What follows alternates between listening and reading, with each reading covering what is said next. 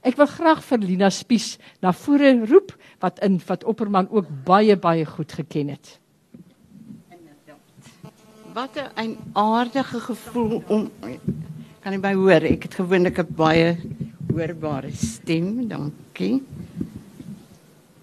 Hier teen die laatmiddag, dames en here, onthou ek skielik dat ek oor Opperman 'n essay geskryf het in 'n poging om prosa te skryf want ek is 'n digter. Maar ehm um, ek moet sê mevrou Opperman, Marie het my die groot kompliment gemaak deur te sê Lina jy skryf so helder prosa. Ek het 'n bundel essays oor Opperman uitgegee in 1978 ontmoetings en toe lees ek dit weer vanmiddag deur. En toe dink ek ja, ek het dit al so baie gesê en Dorothea het gesê Lina, jy moet in ligte trant praat. En ek het al by soveel geleenthede gesê dat die twee mense in my lewe wat die sterkste invloed op my gehad het, my pa en die Opperman was en is. Want Opperman is nie vir my dood nie, net so min as wat my eie pa vir my dood is. Ek het onlangs 'n artikel geskrywe waar ek weer digters van 30 baie geraadpleeg het en ek kan vir u sê daai proefskrif van 1954 wat ek in 1961 as MA student bestudeer het is nog net so aktueel as toe hy toe verskyn het. Dis 'n ongelooflike insig wat hy gehad het in die werk van digters. Ek is op die oomblik besig om 'n artikel oor Olga Kirsch te skryf en miskien moet ek die anekdote vertel alhoewel ek eintlik 'n ander een wou vertel, maar die gees lei my nou soos vir Andrei na ander plekke toe. Uh en ek dink nou skielik daaraan dat toe ek my proefskrif oor hom geskryf het, sit ek met die 'n 9 ster oor Ninive bundel voor my. En uh Ninive, soos jy weet, is die uh bose stad uh waar Jona moes gaan preek. Dit het 'n baie groot invloed in Opperman se werk, die Ninive motief kyk so in uh, eh, trinke se rigting. En uh die oggend dink ek ehm um, hierdie 9 ster. Ons weet almal hy suggereer daarmee 'n ster wat nie bestaan nie. Naamlik na aanleiding van die 7 ster, die 9 ster. En ek dog maar hier is nog iets agter hierdie woord. Dis daai oomblik van intuïsie wat 'n mens soms het. En ek bel hom want dit was na sy siekte en hy was geweldig toeganklik. Vir my was hy altyd toeganklik en ek gaan nou terug in die verlede 'n bietjie verder en ek sal sê hoekom dit so was. Maar uh na sy siekte was hy in die hy het die groot gee beleef. Hy wou alles gee. En ek sê vir hom uh, ek het hom dokter genoem hoor. Ons het ons professore dokter genoem. Hulle was warmpel nie so behep met professorale titels so sonnige mense van die hedendag uh, van die deesdae is nie. Maar in elk geval Ek sê vir hom dokter, hierdie 9 ster van u, ek het 'n gevoel hier's meer in as wat ek sien. Hy sê nou kom onmiddellik hier na toe. En daar kom ek aan en dit was die derde keer in my lewe of die, ja, derde keer dink ek in my lewe wat ek baie verleë aan die ander kant van sy lesenaar gesit het. Want hy vra vir my, "Hoekom lees jy nie wat ek skryf nie?" En ek sê vir hom, "Wel, uh, dis nou snaaks dat jy dit sê, Want wat doen ek anders? Ek lees elke dag wat u skryf. Hy sê nee, jy lees nie wat ek skryf nie. En hy haal uh, John Kannemeyer se verspreide opstelle uit die rak en hy sê vir my lees oor Olga Kirsch. En daarin staan hy verwys na 'n Engelse digteres Anne Riddler en hy verwys na haar bundel The Nine Bright Shiners. En daar kry ek die geheim van waar hierdie inspirasie gekom het van die nege ster. En interessant genoeg, ek wil dadelik vir hom in een opsig 'n lansie breek. Hy het van vrouens gehou en hy het ook vir digteresse, dis 'n aardige woord, ons moet maar liewer van vroue digters praat, baie respek gehad. En hy het uh ook oor iemand soos Olga Kirsch het ek nou besef, wie se debuutbundel maar 'n klein dun bundeltjie was en nou nie 'n skitterende hoogtepunt nie met soveel simpatie en insig geskrywe En toe ek later in Johannesburg die boeke van Disi uh, meegemaak het en Olga uit Israel vir die tweede keer in Suid-Afrika was, onthou ek met hoeveel vriendelikheid en liefde hulle met mekaar gepraat het die aand. Ek wil teruggaan na die verre verlede. Ek het Diedere, weet jy dit? Ek het jou gesien toe jy nog nie 'n jaar oud was nie. 'n baba van ongeveer 'n jaar dink ek. Ons hoef nou nie op jou uh, leeftyd in te gaan nie. En Diedere was my oom Johan uh spies uh, met wie hy saamgewerk het by die huisgenoot se peetkind. En toe die oppermans in uh 1958 in uh dit was 58 nie in Europa was, het my oom hulle 'n uh, oog op Diedere moes hou my oom en tannie het nie self kinders gehad nie en behalwe vir die opperman meisies en ek dink hulle het vir jou daarom die mees spesiale plek in hulle harte gehad. Uh het ek ook uh, daardie plek by my oom Johan gehad.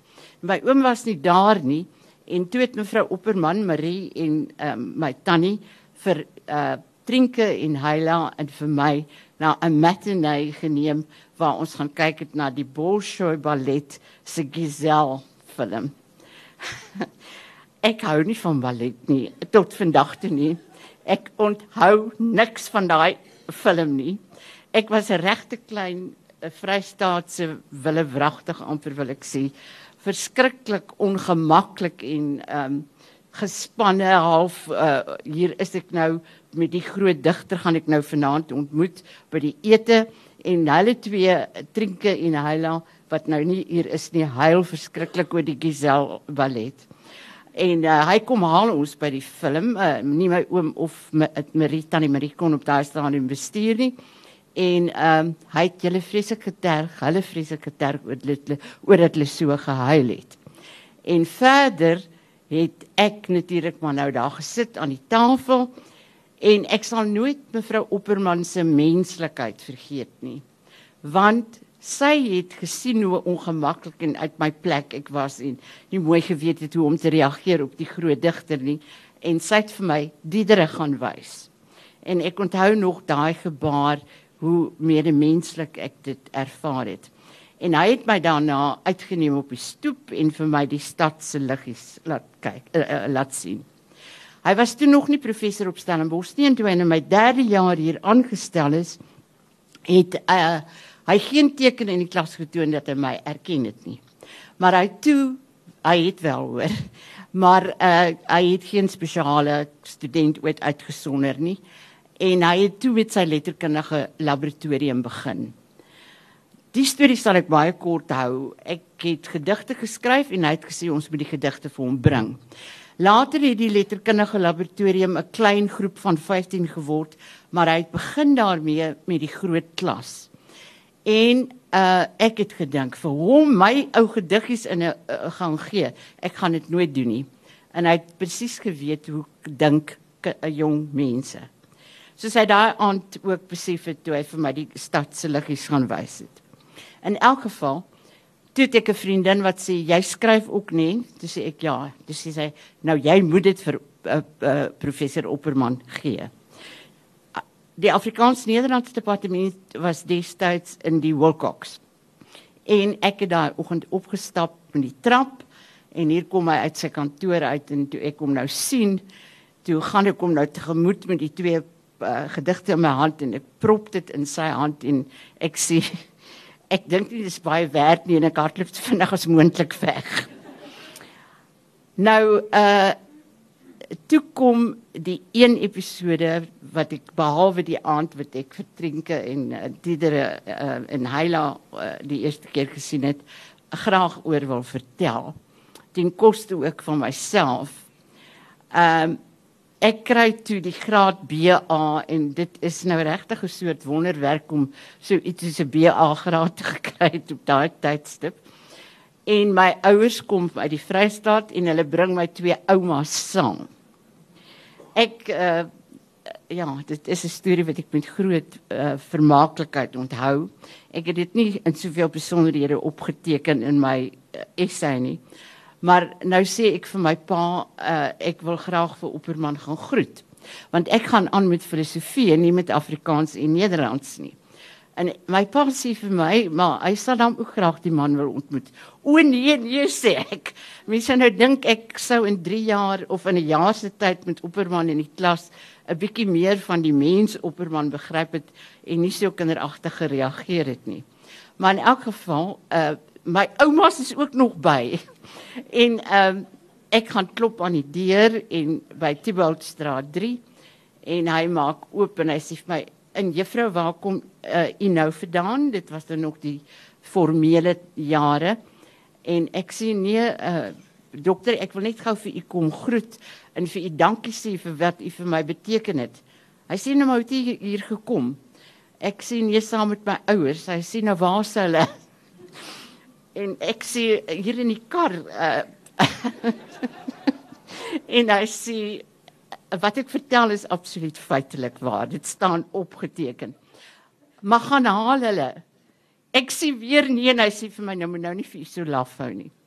En toe gaan haal ek my ma en my pa en my ou twee oumas en ek moet u die eerlike waarheid sê, my ouers en my oumas was definitief nie mense waarvoor ek moet my moes skaam nie en Opperman, Dirk Opperman en Marie allermins.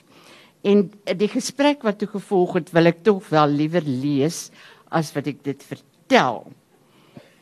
Uh wag, laat ek uh, vir u sê uh, waar het die gesprek nou begin. Ek lyk my ek is by die verkeerde plek. Ja. Hy sê vir my, ehm um, en wat gaan u volgende jaar doen? Uh ekskuus vir die u hoor, maar dit is soos ons gepraat het in daai tyd uh, ek sê vir hom nee, ek gaan 'n uh, uh, voort met filosofie en hy sê vir my: "O nee, juffrou, dit gaan jy nie doen nie. Jy gaan loop of die onderwysdiploma of die honneurs in Afrikaans en Nederlands." Ek was heeltemal stom verbaas toe hy dit sê. En toe ek my weer kom sê sê hy toe ek sit ek voor hom in sy studeerkamer en hy begin vir my die lys literatuur gee vir die honneurs kursus. Nou ek voel my hande bewe ook so effens vanaand, maar ek het daar gesit so met die sakdoek in my hande en dit so afgedroog af en toe en hy dan skryf ek literary criticism uh uh een of ander skrywer en dan sê hy tussenin o ek het dit goed dopgehou in die klas uh ek het gesien hoe kyk u wanneer kom ek by u gedigte uit en dan net as ek nou nog verder wil hoor dan slaan hy skielik oor en hy gee 'n ander titel sê nou maar um uh Warren and Willick Theory of Literature. En so het die hele gespanne gesprek verloop. Maar dit het 'n keerpunt in my lewe beteken. Hy het toe in alle erns vir my gesê um kyk u het hierdie talent en die filosofie is die dood van die digter. Die uh, dit, dit het baie misverstande al tot gevolg gehad en ek wil dat ek sien Rufus glimlag. Ehm um, dit is tog waar dat in 'n sekere sin die filosofie 'n gevaarlike verleiding vir 'n digter is. Want die taal van die filosofie is uh, abstrak beredenerend en Opperman was 'n man van die woord en van die metafoor.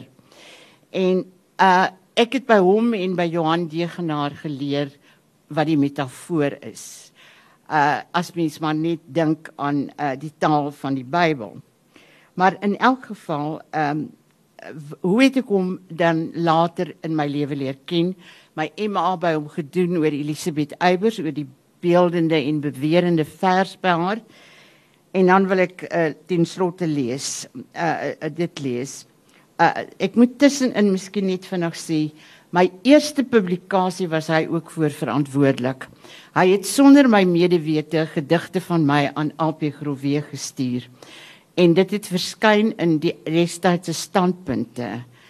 En hy het toe 'n speletjie ook gespeel met die gedigte want ek was toe in my honeursjaar en hy het vir my kom vra het jy intussen gedigte geskryf dis sê ek ja dis hy, hy wil dit hê want hy het nie so baie derdejaars wat hy van die gedigte kan gebruik nie en toe sê hy niks daarna nie toe dog ek hemel maar skryf ek nou so sleg dat hy geen woord daarvan sê nie En toe kom ek terug na die ehm um, Junie vakansie. Ek was sy assistent toe. Na op na John Kannemeyer was ek die eerste assistent. En hy kom na my toe en hy sê vir jou straf omdat jy 'n dag laat gekom het, moet jy hierdie brief beantwoord. En ek dog maar, "Ag, wat 'n snaakse versoek." En ek sien skielik dit is gerig aan AP Groewe. En dit begin toe beste Dirk die dogter digteres het regtig talent. En uh Groewe gaan voort en hy sê toe watter van die eerste gedigte van my hy sou publiseer. En toe ek opkyk, toe staan hy in die uh kantoor se deur. Ons het die kantoor gedeel. Ons was 4 mense in die kantoor. En uh hy het 'n groot vermaaklikheid gehad aan my gesigsuitdrukking wat ek natuurlik nie self weet hoe dit gelyk het nie. En toe ek hom later gaan bedank, het hy gesê en daarin is die persoon Opperman saamgevat. Toe sê hy vir my net een kort sinnetjie. Dit is op Merite geplaas. So ken ek Dirk Opperman. So sal ek hom altyd onthou. Eerlik, regheid, opreg. Menslik en ruim. Volkome vry van artistieke pretensie maar diep binne-in altyd intens betrokke by die poësie, besorg oor Afrikaans. Ek is een van die talle wat hy groot gemaak het om waardig te wees vir die bedryf van die poësie. En ons het elkeen seker ons eie storie om te vertel. Ek wil net ten slotte sê oor Marie Opperman as die mees menslike, warm mens wat ooit sy vrou kon gewees het van wie ek net so baie liefde ontvang het as van hom en ek gaan myself ook veroorloof om te sê ek het so bietjie julle vierde suster geword uh Diedere en Trinke. En ek is saam as ek aan julle pa dink ek het vanaand vir julle gesê ek kan nie te veel met julle praat nie net nou raak ek bewoon ek gaan dit nie word nie. Ons onthou hom met vreugde as hierdie pretensielose mens. Kyk maar net hoe lyk hy as hy by Frans Kraal is en wat baie lief was vir sy dogters en wat my so 'n bietjie aangeneem het as sy vierde dogter. Baie dankie. Dankie.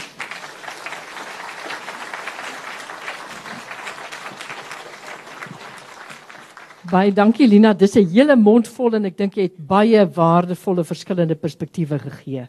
Baie blikke op Dirk uh Opperman.